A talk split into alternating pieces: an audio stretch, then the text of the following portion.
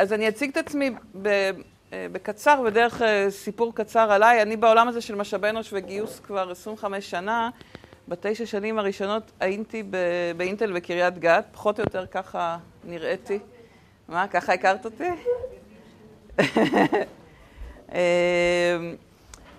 ובאינטל התפקיד האחרון שלי הייתי HRBP וניהלתי את הצוות של ה-HRBPs, הייתי HRD ואז הפכו את השם ל-HRBP. HRD למי שמכיר התחילה מזה שזה היה השם תפקיד שלי באינטל, אז כשעזבתי הרגשתי צורך להישאר בבית.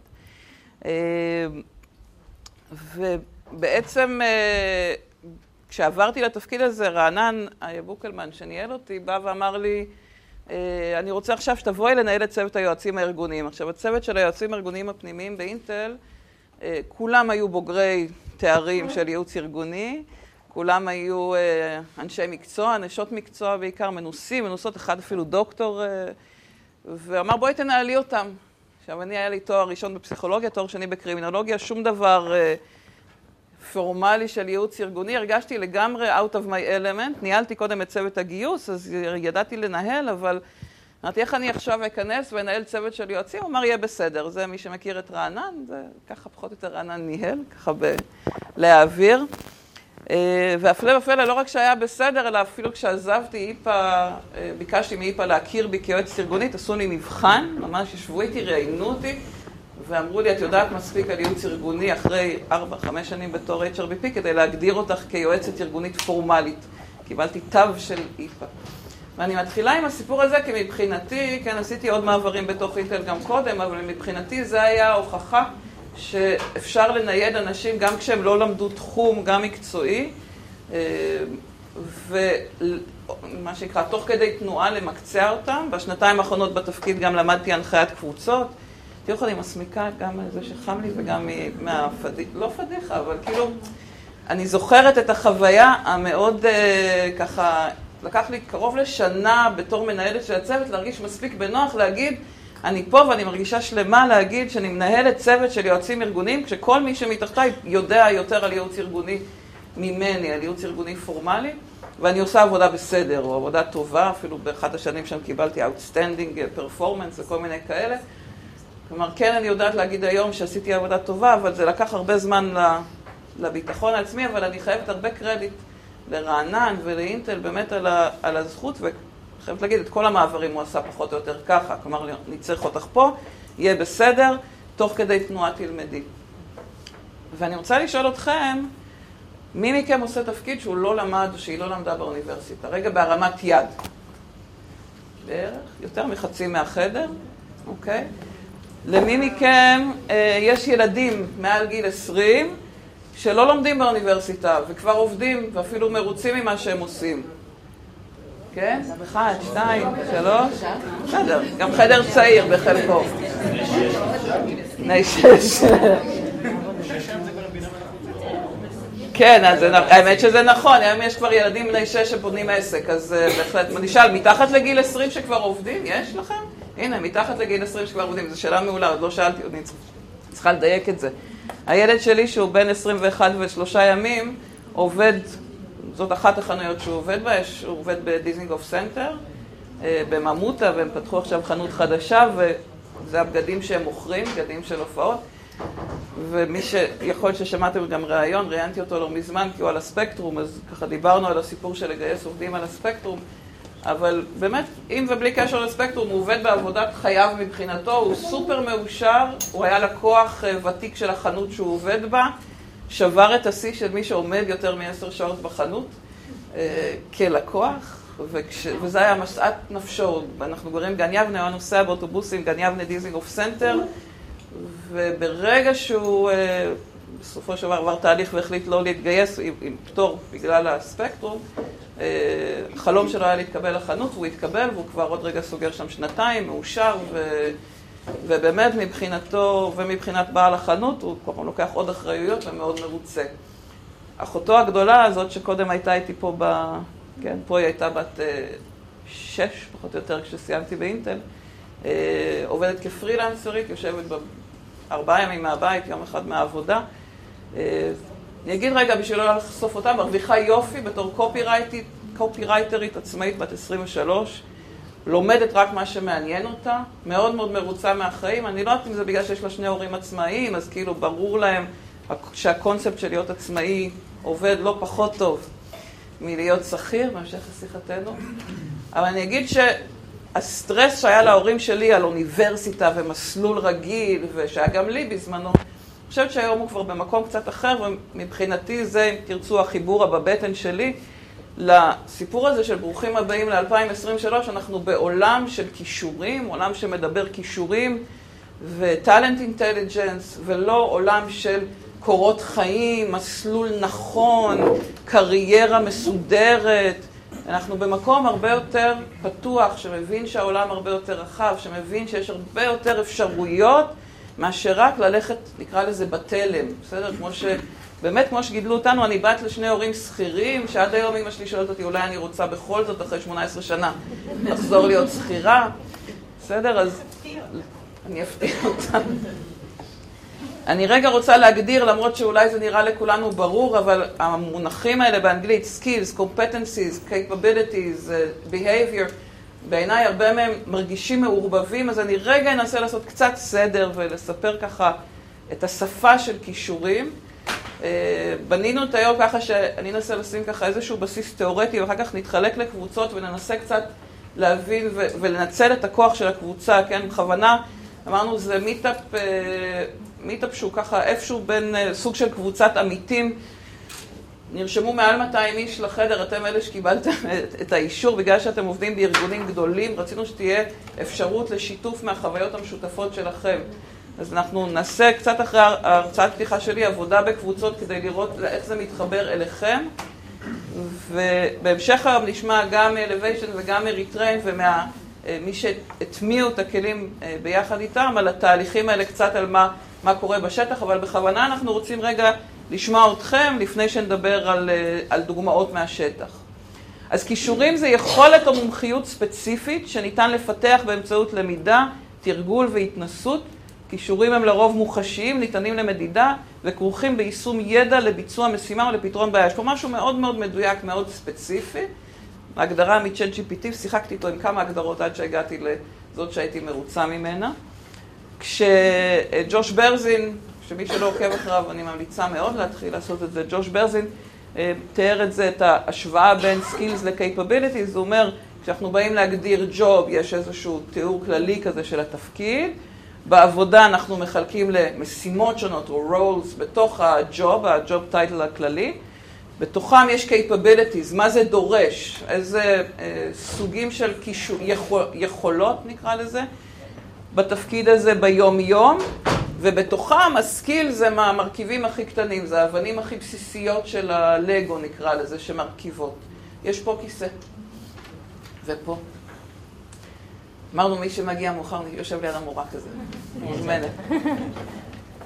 אז אני רוצה לשאול אתכם, בואו נראה אם ככה, אה, גם אם יצא לכם לקרוא, מה, מה אתם מרגישים. איזה מהכישורים האלה יותר חשובים לדעתכם ב-2023? אני לא יודעת כמה רואים. מנהיגות, חשיבה אנליטית, יצירתית, אג'יליות, גמישות, סקרנות, מודעות עצמית, למידה לאורך החיים, תשומת לב לפרטים, אמפתיה, חוסן, מה ככה בולט לכם? הכל? הם לגמרי המובילים. הסגולים פשוט זה ההפרדה בין עמדות, attitudes וכישורים, skills. בסדר? תחושת בטן, מה לדעתכם הכי? למידה. חשיבה יצירתית. אז אה, ב-2023, לפי אה, הפורום, אה, פורום הכלכלה העולמי, שמו ראשון את חשיבה יצירתית. שני את חשיבה אנליטית ביקורתית, שלישי את אוריינות דיגיטלית. עכשיו אני אסביר רגע מה זה ראשון, שני, שלישי, כי היו להם שתי חלוקות. אה, ואחרי זה, דרך אגב, חוסן, גמישות ואג'יליות הם איפשהו מתחרים על המקום השלישי, שלושתם ביחד מתחרים על המקום השלישי. עכשיו, מה זה אומר אה, הכי חשובים, כן? הם, הם זיהו את ה-core skills for workers ב-2023, מה הכישורים שהכי חשוב שיהיה לנו ב-2023, אז הראשון זה Analytical Thinking, Creative Thinking, זה השניים הראשונים, אולי הפכתי אותם קודם. השלישי שהם שמו פה זה Resilience, uh, Agility ו... לא זוכרת מה זה היה שם. Flexibility, הגמישות, כן, תודה. זה השלושה שהם ה-core skills, אבל אם אתם מסתכלים על מה ה-skills on the rise, אז, אה, אז פה ה-Creative Thinking וה-Analytical Thinking זה השניים הראשונים וה-Technological Ability. כלומר, והרשימות האלה מתחברות למה שנקרא Skills Taxonomy. זה בעצם רשימה מאוד מאוד ארוכה של כישורים, שאנחנו רואים ביניהם את ההתניידות הזאת. זה יותר חשוב, זה פחות חשוב, זה עולה, זה יורד. אתם יכולים לראות את התכלת והסגול. סגול זה כמה ארגונים דיווחו על ירידה, שזה פחות חשוב לנו, כמה ארגונים דיווחו על עלייה. ואנחנו רואים שיש ברשימה הארוכה הזאת, ואני מאוד מציעה לכם להיכנס, אם לא יצא לכם לקרוא את הדוח, יש פה את הקישור, אתם תקבלו את המצגת, אני שולחת אותה לכולם אחרי. אתם מוזמנים גם להשתמש, גם להציג אותה להנהלה אם אתם צריכים, גם להיכנס, אני ממליצה מאוד מאוד להוריד את הדוחות ולעשות איתם עבודה. אתם יכולים לראות גם את הכישורים שעולים, גם את הכישורים שיורדים, ולהתחיל בכלל להיות בתוך החשיבה הזאת של skills taxonomy, של להגיד, יש לנו איזה שהם אבני יסוד מאוד בסיסיות, שזה לא, הוא נורא יצירתי, זה מאוד כללי, אבל רגע, היצירתיות בתפקיד הזה היא שילוב של ה skill הזה וה skill הזה וה skill הזה. יכולת לראות רחב וגם היכולת הטכנולוגית וגם האוסף של ה skills בונה את ה-capabilities. יש לנו פה איזושהי היררכיה כזאת, שקוראים לזה גם skills ontology, כן? זה אונטולוגיה, אה, או, או טקסונומי, דרך אגב חיפשתי אם יש איזו מילה בעברית, אין לזה, זה טקסונומי ואנתולוגיה, זה מתורגם ככה. טקסונומיה. טקסונומיה, כן, בסדר. ובעצם הם יושבים תחת כותרת של competencies, שזה קצת דומה ל-capabilities, כן? למשל, communication skills זה ה-competency של communication, יש מתחתיו כל הרשימה הארוכה הזאת, וגם זה, זה לקחתי ממקור אחר, אבל בגדול יש יותר מ-50, שצ'רי טריין מפה גם יותר מ-60 אלף אה, כישורים, ואתם יכולים למצוא, וכל יום נוספים עוד. אני חושבת שמה ש... כשקוראים את ג'וש ברזין, ואני עוקבת אחריו כבר, כבר הרבה שנים, הוא אומר, תראו, בהתחלה חשבנו שפשוט נעשה בנק כזה של כישורים, ואז נעבוד איתו, אבל זה משהו שהוא חי, כל הזמן נוספים, נוספים עוד. גם כל גוף, ויש שם כמה גופים שיצרו מין בנקים כאלה, חלקם לתשלום, חלקם בחינם, יש לכל גוף הגדרות שונות, אז לאותו קישור יכולים להיות שמות שונים, מונחים שונים, אז היום יש עבודה אה, קצת כמו הרכב האוטונומי, כן, לנסות שהמערכות האלה ידברו אחת עם השנייה, כדי שאם במערכת אחת זה מוגדר בצורה אחת, מערכת שנייה, שאפשר יהיה לעשות ביניהם איזשהו חיבור, אבל כן, המשותף זה החשיבה, זה ההבנה שיש פה איזושהי שפה אחידה שאנחנו צריכים אה, להתחיל לעבוד איתה. הוא מדבר על talent intelligence, אנחנו מדברים היום בעולם על talent intelligence, זה כבר לא יש גיוס, יש משאבי אנוש, יש פיתוח ארגוני, הבן אדם עובר כמו מקל כזה ב... מרוץ שליחים שעובר מאחד לשני, אלא אנחנו מבינים שיש פה משהו שהוא הרבה יותר, אה, אה, כאילו יש פה איזשהו שורש הרבה יותר רחב שהוא משותף לכולם. אנחנו צריכים בהסתכלות הארגונית, שתהיה לנו הטאלנט אינטליג'נס, לראות מי אנחנו מכניסים פנימה, מי אנחנו מניידים, איך אנחנו משמרים אנשים לאורך החיים בתוך הארגון, משהו הרבה יותר הוליסטי מאשר פעם שהיה קצת יותר, לצורך ההתמחות היה הרבה יותר, נקרא לזה חותך. ואני רוצה לשאול אתכם, למה לדעתכם צריך לבנות ארגון שהוא מבוסס כישורים? מה, מה המחשבות שעולות לכם סביב ארגון מבוסס כישורים? באתם היום, לקחתם יום שלם, אה, לא, חלק גם לא עבדו אתמול, איך, איך הצלחתם? מה, מה, מה, למה היה לכם חשוב לבוא הנה היום? כי זה מקנה לך את היכולת בעצם, א', להפיק את המיטב מהאנשים, okay. אוקיי. וב', גם לבנות את הסקסשן או את ההתקדמות, ניהול קריירה.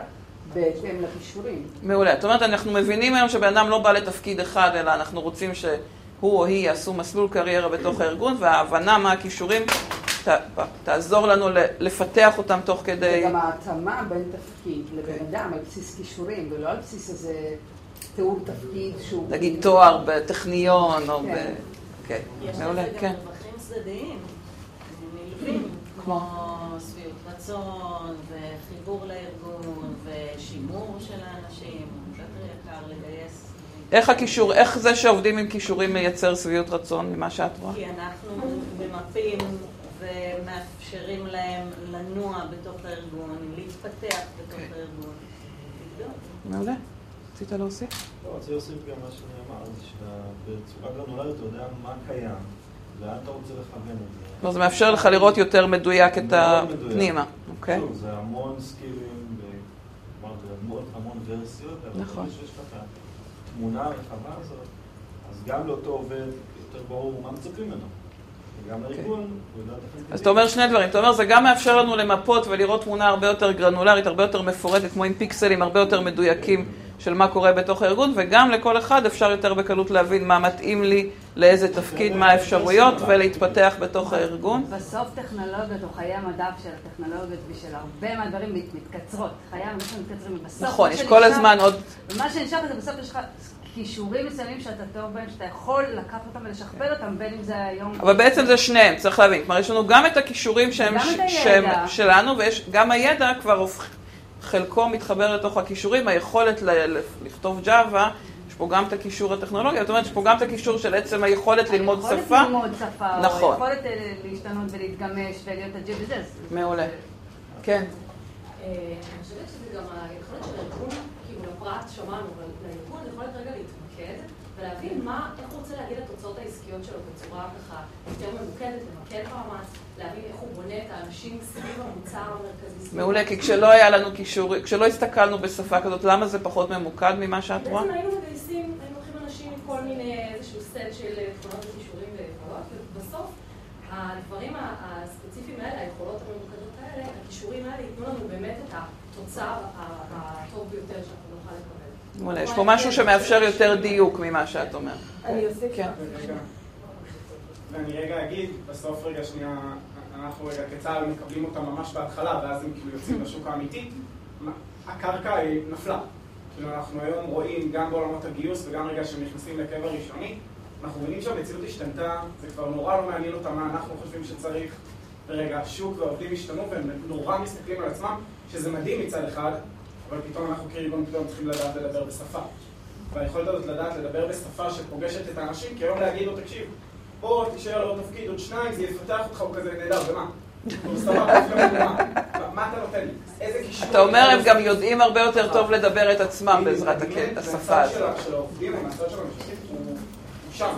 אני בנתונים. בתור אימא לבן 18 אני מאוד מתחברת למה שאתה אומר. מורץ בת? כן, רציתי להוסיף אה, בהקשר של הביזנס, שבעצם היום הכל זז מאוד מהר, חברות צריכות להמציא את עצמן מאוד מאוד מהר, וככל שהם יגלו שיש להם את האפשרות הזאת אינאוס, למישהו שיצעד איתם ויתפתח יותר כי כמו שאמרו, טכנולוגיות משתנות. אז צריך כל הזמן להתאים את עצמך, ואתה צריך להכשיר את האנשים שלך, שהם יביאו לך את הדבר הבא. אבל בעצם מה ששניכם אומרים זה משהו על, על השיח המשותף הזה עם, ה- עם העובדים. כשאני אומרת להם, אני רואה שיש לכם את הכישורים האלה והאלה, אנחנו צריכים את הכישורים האלה, יש פה בעצם איזושהי שפה משותפת שגם הם יכולים להבין. זה לא רק הארגון יודע מה הוא צריך ובוחר, אלא משהו שהוא יותר שיח משותף. בוקר טוב. כן. אני חושבת שזה גם חלק ממיתוג המעסיק החדש, כי אם נדע לפני חמש, עשר שנים, אה, ארגון היה זה שבוחן את האנשים ומגייס אותם, אז עכשיו גם, גם המועמדים עצמם בוחנים את הארגונים שאליהם הם מגיעים. ואם אנחנו יכולים להציע למועמד לתפקיד איזשהו ניהול קריירה ואיזושהי תפיסה שאנחנו אנחנו מקבלים אותו לעבודה עם הכישורים שלו, אבל אנחנו גם יכולים לייעד לו בעתיד דברים נוספים, אז זה הופך את הארגון להרבה יותר אטרקטיבי. שבעצם את אומרת, לא רק צריך לעשות את זה, גם לדבר על זה כדי שה... כן, זה- זה שהמועמדים הופך יראו את הארגון זה. יותר אטרקטיבי כלפי מועמדים שמגיעים, ובוחנים אותם כמו שאנחנו בוחנים אותם. לגמרי נכון. מעולה, תודה, כן. אני רואה פה, גם אני פשוט אוסיף מה שענת אמרה, אני רואה פה אה, הזדמנות למידה אינסופית, בסופו של דבר, בהרבה מאוד עבודה לאגף הפיתוח ארגוני ולמידה. זה אחד. דבר שני, אני חושב שיש פה הזדמנות מצוינת גם ללמוד את הארגון. לארגון שאין לו מפה בעצם, והוא הולך לעשות את המפה נכון. מה, מה, מהרגע הראשון, הוא בעצם יגלה הרבה מאוד דברים שלא חשב. בעצם אתה אומר, וזה נכון, המיפוי של מה הכישורים שיש לנו בתוך הארגון, שהוא אחד הצעדים הראשונים, בעצם מאפשר לארגון להבין את עצמו. זו אמירה מאוד מאוד נכונה. זה מאפשר לנו להבין בכלל בתפקידים מסוימים, רגע, לא הבנו קודם שיש לנו פה הרבה אנשים עם כישור מסוים, או שחסר לנו אנשים עם כישור מסוים, ולנייד בעזרת זה, כן. אולי אפשר להזמין עוד כיסאות? נראה לי שאולי יגיעו עוד אנשים. יש עוד? כן. אני אוסיף ואומר שהיום עובדים מאוד, אה, אחד הדברים שמאוד אה, מתמרצים אותם בפן האישי, פתאום שהם מגלים את ה-hidden skills שלהם. נכון. ברגע שזה נעשה בתוך הארגון, בארגון שדוחף אותם, אז- אז אתה גם מרגיש שהארגון גילה אותך, כמו הארגון זה גילה לגמרי אותך, מתחבר. יש לך זיקה יותר גדולה לארגון, אתה תתרום יותר גם בדברים שמעבר נכון. לתפקיד. אה, מעולה. אז, אז בואו ננסה רגע, אה, אני אספתי חלק, או חלק מהדברים ששמתם, אבל הרחבתם את זה הרבה יותר. ואני חושבת שאולי, בוקר טוב ורד, איזה כיף שבאת. אולי אחד הדברים המרכזיים שככה עלה מתוך מה שדיברתם זה השימור וגם המשיכה. דיברתם על המיתוג מעסיק, אז למשוך עוד מראש ולהצליח לשמר את העובדים דרך חיזוק, חיזוק ה engagement, ויש ככה בתוך הדוגמאות ששמתם על איך אנשים, על השיח הזה שנוצר, יש גם כיסא, אה, מרבי, יש. גם על השיח הזה שנוצר אה, עם העובדים, יש פה איזושהי engagement ואיזושהי מעורבות שלהם בתוך הפיתוח האישי, ואנחנו נרחיב על זה תכף. יכולת לנצל בצורה אופטימלית, ודיברתם על זה שברגע שאנחנו עושים את המפה של הכישורים, אנחנו יכולים הרבה יותר להבין מי נכנס לאן ואיך אנחנו מפתחים את האנשים.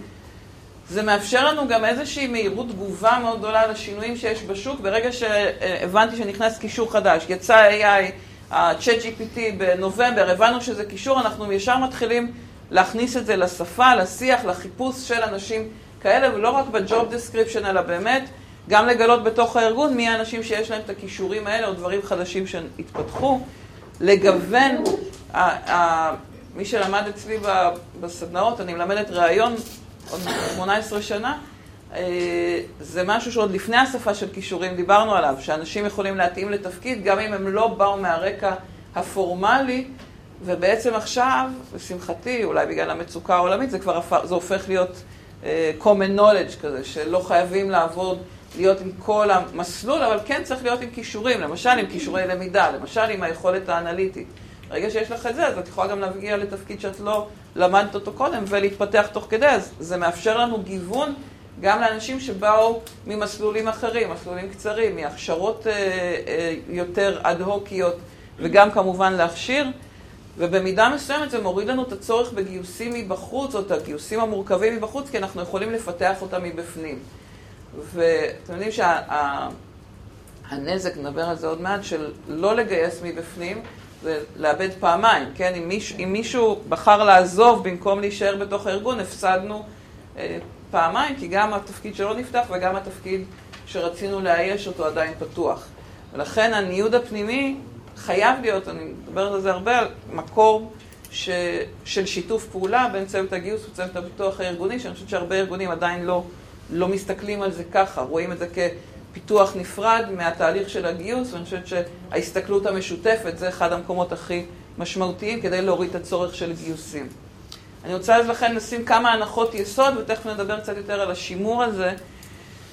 אז אמרנו, התפיסה הראשונה היא של עובדים, עדיף שהם יישארו בתוך הארגון. כבר גייסנו אותם, הם שלנו, בואו נראה איך אנחנו משאירים אותם גם אם זה אומר שבן אדם שהרגע נכנס לארגון, ואני יודעת שלא כולם יסכימו, איתי, אבל אם מישהו נכנס הרגע והוא שלושה חודשים בתפקיד, והוא בא למנהל שלו או אלינו ואומר, תשמעו, זה לא מדויק לי, משהו פה לא טוב לי, אני לא נהנית, מיציתי, מכירים את המיציתי הזה? בסדר? עכשיו, לפעמים זה נראה לנו, מה זה מיציתי אחרי שלושה חודשים? זה מגוחך, זה לא רלוונטי, אבל הם כבר אצלנו, כבר שלנו. בואו נבדוק למה הם מרגישים שהם מיצו, ולפני שהם יעזבו, בואו נראה אם נוכל לשים אותם בתפקיד יותר מדויק, יותר מתאים. להוריד את המחסום הזה של רק שנה, רק אחרי שנה אנחנו בכלל מוכנים להקשיב לך, או רק אחרי שנתיים, שזה בכלל, ה, נקרא לזה המחמירים. Okay? אוקיי? אנחנו כבר לא בעולם הזה. מה? מכירים את הארגונים של זה? כן. יושבים פה, ברור לי שיושבים פה, אבל אני אומרת, בעיניי זה צריך להיות הדבר הראשון שאתם יוצאים מפה בלשחרר את המחסומים האלה. שמענו את הדוגמה קודם מצה"ל, כבר בגיל 18 הם יודעים בדיוק מה הם רוצים, מה הם צריכים, איך הם מנהלים את הקריירה שלהם. ואם אחרי חודשיים שלושה הם יצאו, זהו, זה מספיק להם. הילד שלי אומר, תפטרו אותי. כאילו, לא מתאים לכם, תפטרו אותי, אני, מס... אני אסתדר, יהיה בסדר. העיקרון השני, האחריות המשותפת, אנחנו בצוות אחד, אנחנו לא סתם פתחנו את הסשן הזה היום ואמרנו, למרות שאני מתעסקת בגיוס, והמערכות ו-Elevation עובדים גם עם צוותי פיתוח ארגוני, בוקר טוב. וגם גיוס, אמרנו, זה סשן שכולם צריכים להיות בו ביחד, גם גיוס, גם פיתוח ארגוני, גם uh, שכר, גם, מה נשמע? גם uh, uh, uh, uh, מי שמתעסק עם המערכות, אנחנו מסתכלים, אמרנו טאלנט אינטליג'נס, HR כצוות אחד גדול, כולל, עם פחות ההפרדה החדה הזאת, אלא יותר ההסתכלות המשותפת בצוותים, לראות בתוך הניהול לפי כישורים.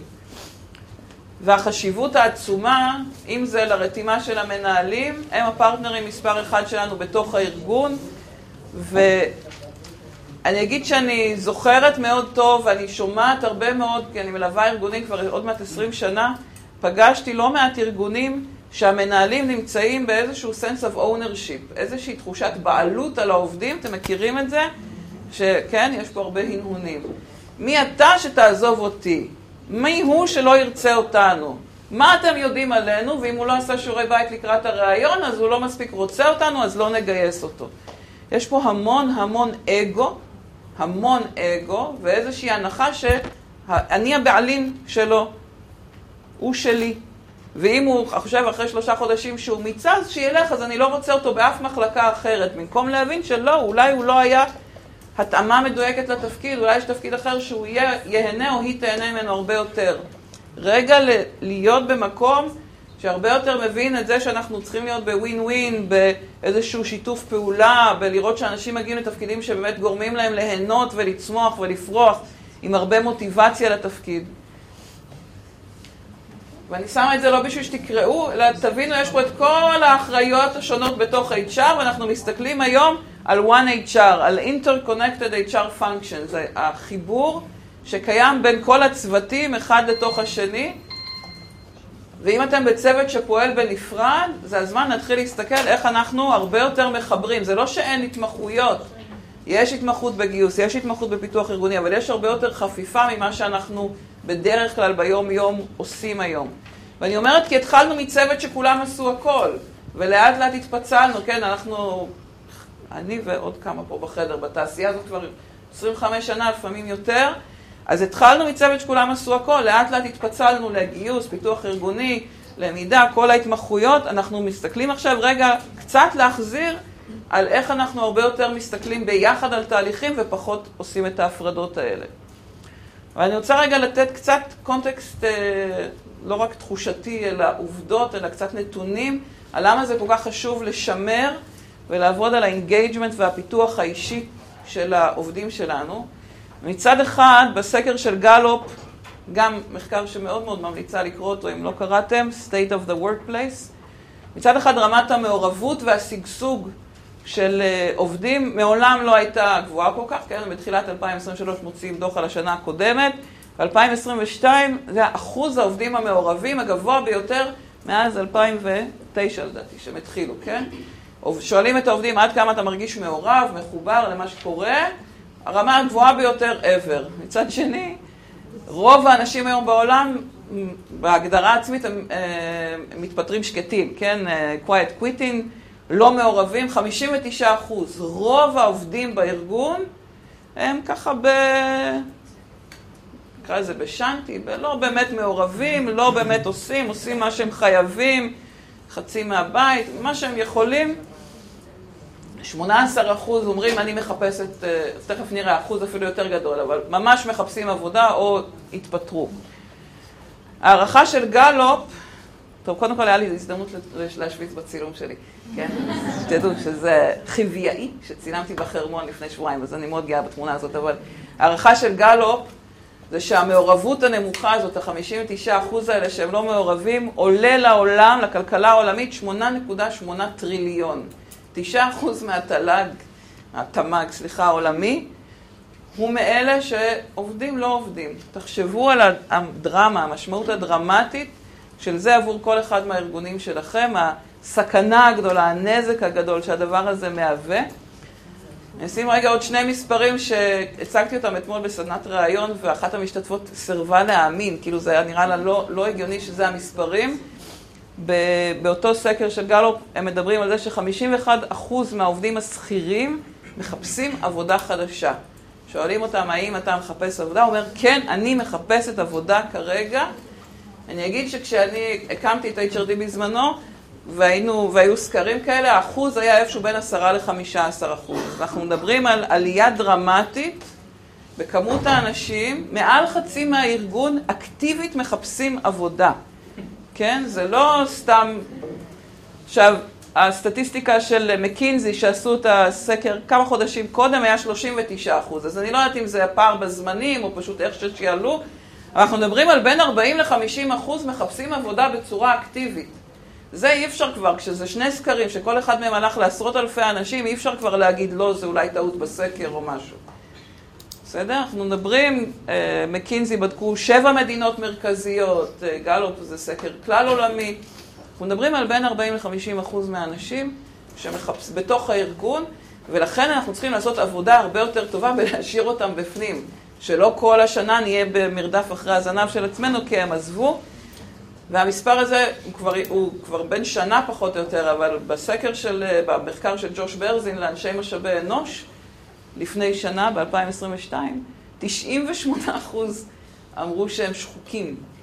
ויש פה דרגות שונות של שחיקה, כן, אני רוצה לעבוד פחות שעות, אני, רוצ, אני עובדת רק בשביל המשכורת, זאת לא החברה בשבילי, זה לא המקצוע בשבילי, אני לא רוצה לעבוד בכלל. לא יודעת אם אתם מכירים את המספר של 65% מהמתפטרים לא חזרו לתעשייה שממנה הם התפטרו, זה גם עלה בחלק מהמחקרים. כלומר, העולם עבר טלטלה, אי אפשר להתווכח עם זה. 2020, 2021, זעזעו את העולם, כי במקביל גם היו המון המון המון השקעות והמון צמיחה והמון טכנולוגיה שנכנסה, ויש שם הרבה יותר הזדמנויות, אבל האנשים אומרים, לא בא לנו, רגע, תעזרו לנו. To engage, תעזרו לנו למצוא מה טוב לנו, מה מעניין אותנו, מה מרגש אותנו, כי אחרת בא לי רק להיות בבית, כאילו זה מה שאני שומעת מה, מהמוזיקה הזאת, גם ב-HR, גם אצלנו, גם פה בחדר. דוגמה אחת על המשמעות של, ה, של החוסר engagement, כי היו שם עוד דוגמאות, אבל זאת תפסה אותי. כשעובדים הם engaged, יש לזה פי 3.8 השפעה על הסטרס, כן? זה מוריד את הסטרס שלהם. עכשיו, למה זה תפס אותי? בהשוואה למיקום מקום העבודה.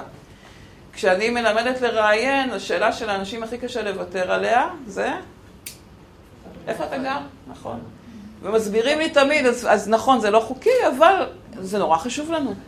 כי אם מישהו יגור רחוק, אז הוא יבריז וימאס לו והוא, י, יפסיק לעבוד.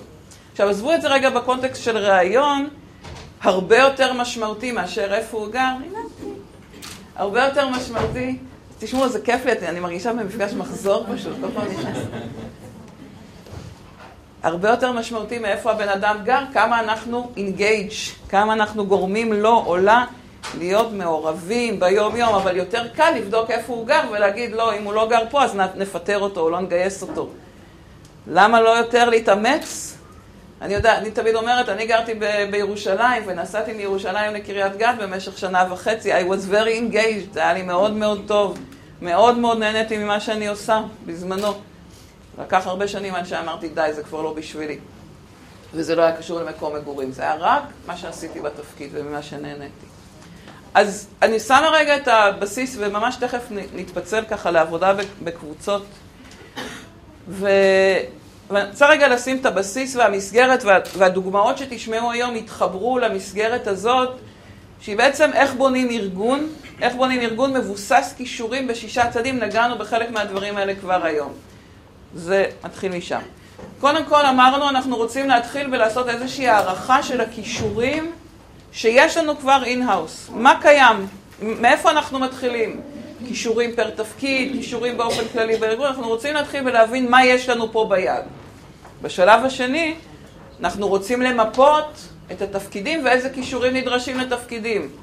בואו ניקח רגע תפקיד שאף אחד מכם לא המעסיק, מוסכניק, נכון? אין פה, יש פה טויוטה? לא. ניקח רגע תפקיד של מוסכניק, יש? מה? יש לכם מוסכניקים? באתר כן. אז ניקח רגע תפקיד של מוסכניק. למה בחרתי אותו? כי המוסכניק שלי, יש לו טאבלט, והאוטו שלי יש לו מחשב, ובגלגלים יש מחשב, ותפקיד שפעם רק היה צריך לדעת לפתוח מנוע, היום צריך להיות איש מחשבים, אשת מחשבים, בשביל להתנהל כמוסכניק. אתה צריך לדעת אנגלית, נכון? צריך לדעת אנגלית, צריך לדעת טכנולוגיה, צריך לדעת לסנכרן, צריך לדעת לתפעל את המחשב של האוטו ואת המחשב, ועדיין לדעת את כל השמן, דלק וכל הדברים שגם קודם היה צריך. כלומר, זה היה להוסיף עוד יכולות וכישורים.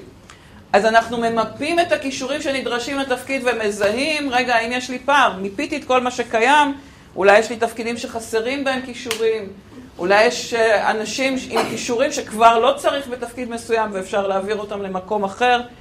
אז מיפינו הערכנו מה קיים, מיפינו את הכישורים לתפקידים, לא לאנשים, ואז אני מתחילה לזהות איזה כישורים חסרים גם ברמה האישית וגם ברמה של הארגון. מה אני צריכה להשלים? מה אני צריכה להשלים לבן אדם כי הוא בתפקיד שחסרים לו כישורים, או מה חסר בארגון ואני רוצה לנייד אנשים או לגייס? אני רוצה להתחיל לגייס לפי כישורים, לא רק לפי הקורות חיים וההיסטוריה, ואני רוצה לנייד בתוך הארגון לפי הכישורים, ולא, שוב, לא לפי התארים שמביאים. עכשיו, הטכנולוגיה, התשתית הטכנולוגית, שמנו אותה, שמנו אותה פה בסוף, אבל בעצם אפשר את החלק של המיפוי כבר להתחיל בהתחלה עם טכנולוגיה. הטכנולוגיה בסוף מגיעה אם עשינו משהו בקטן ואנחנו רוצים to scale. התחלנו מארגון קטן, אנחנו רוצים להגדיל. התחלנו עם פיילוט, בדקנו, הבנו מה זה, אנחנו רוצים להגדיל. בשלב מסוים, בוודאי עם ארגונים כמו שלכם, בלי טכנולוגיה בלתי אפשרי. הכוח הגדול של הטכנולוגיה זה שהיא מתעדכנת. רגע ניקח את האנלוגיה של סופר. ברגע שעדכנו ברקוד מסוים או משהו בסופר, נגיד השתנה המע"מ, נחצו על כפתור אחד, העלו את המע"מ באחוז אחד, זהו.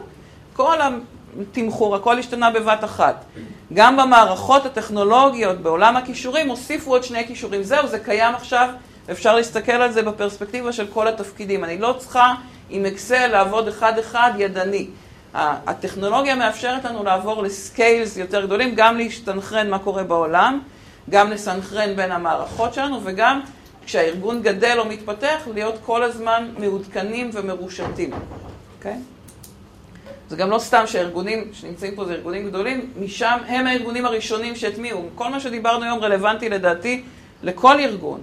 אבל כשאנחנו מדברים על להכניס טכנולוגיה, אנחנו מדברים על לעשות את זה בגדול, אז זה באמת הראשונים שמבינים את הערך העצום של זה עבורם, זה הארגונים הגדולים, לכן התחלנו מפה. Okay? אוקיי? אני רוצה להגיד ככה עוד מילה אחת על הטכנולוגיה, ותכף נעצור. רגע. אחד המשפטים שאני שומעת אה, זה ניסינו וויתרנו. ניסינו לעשות משהו עם איזשהו כלי, הוא לא עבד, אז ויתרנו עליו. אני רואה את זה ב-ATS, כן, נכנסנו מערכת ניהול גיוס, היא לא הסתדרה. ניסינו לעשות קמפיין ממומן בפייסבוק, זה לא עבד. ניסינו, זה לא עבד, אז ויתרנו. Okay? אוקיי? ואני רוצה להגיד, טכנולוגיה, כמו כל שינוי בחיים, וזה לא דבר קל, לא קל לנו להשתנות, לא קל לנו לשכנע, לא קל לנו להכניס מערכת שאנחנו לא מכירים. לא קל לסנכרן בינה לבין מערכות אחרות. זה מרגיש נורא קשה. אבל הדוגמה שפעם אמרו לי ונשארה איתי הרבה שנים, זה מתי ויתרתי לילד שלי על ללמוד ללכת, או לילדה שלי, על ללמוד ללכת. הם נפלו, זה כאב להם, התבאסתי שכאב להם, אבל לא ויתרנו להם, נכון? לא אמרנו להם, לא נורא, אני אלך בשבילך. אי אפשר לוותר על טכנולוגיה בעולם, בטח לא בארגונים, בטח לא בעולם שעליו אנחנו מדברים. אי אפשר, בלתי אפשרי לצמוח כארגון גדול בלי להכניס עוד ועוד טכנולוגיות, תשתיות שמשרתות אתכם. אני אגיד ככה, בלי להצטנע, שלדעתי, לעומת רוב, הארגון, רוב צוותי משאבי אנוש, אני עובדת עם יותר כלים טכנולוגיים. אני משלמת ליותר ספקים טכנולוגיים בשביל הכלים, כי אני עובדת גם עם CRM וגם עם דיוור וגם מערכת של SMSים וגם עם מערכת של פרסומים במדיה חברתית. אני עובדת עם הרבה יותר מערכות מרוב צוותי הגיוס שאני פוגשת. ויש לי פחות תקציב מלרוב צוותי הגיוס, בסופו של דבר, כי אני עסק של בן אדם אחד. אני אומרת, אם אני יכולה, גם אתם יכולים. אין לי ויכוח על זה, אין לי בכלל שאלה על זה. לכן אני בכוונה אומרת, רגע, תעצרו ותסתכלו האם הכנסתם מספיק כלים טכנולוגיים. יש פה כיסא אחד לפחות, ותכף בהפסקה. אפשר לשאול שאלה? בטח.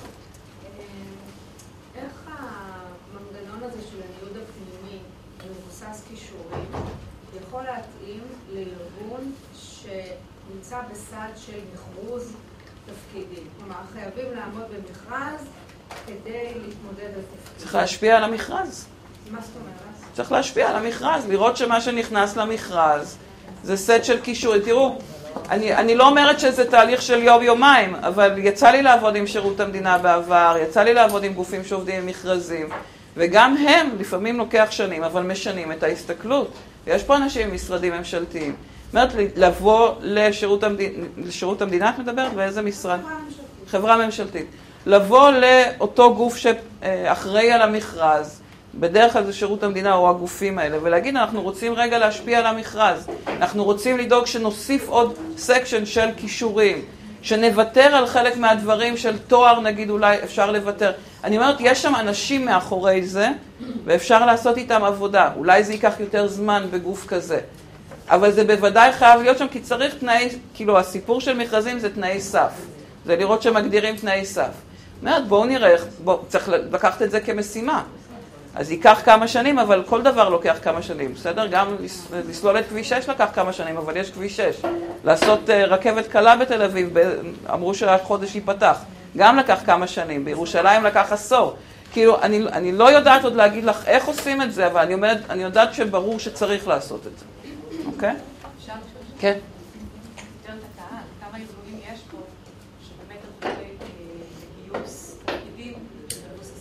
אז זה ממש השאלה שלנו של העבודה בקבוצות, בסדר? אז זו שאלה מעולה כי יש לה שקף, אז ממש עוד, עוד שני שקפים אחרונים. אני יודעת שחלק לא מכניסים טכנולוגיה כי הם מפחדים ממנה,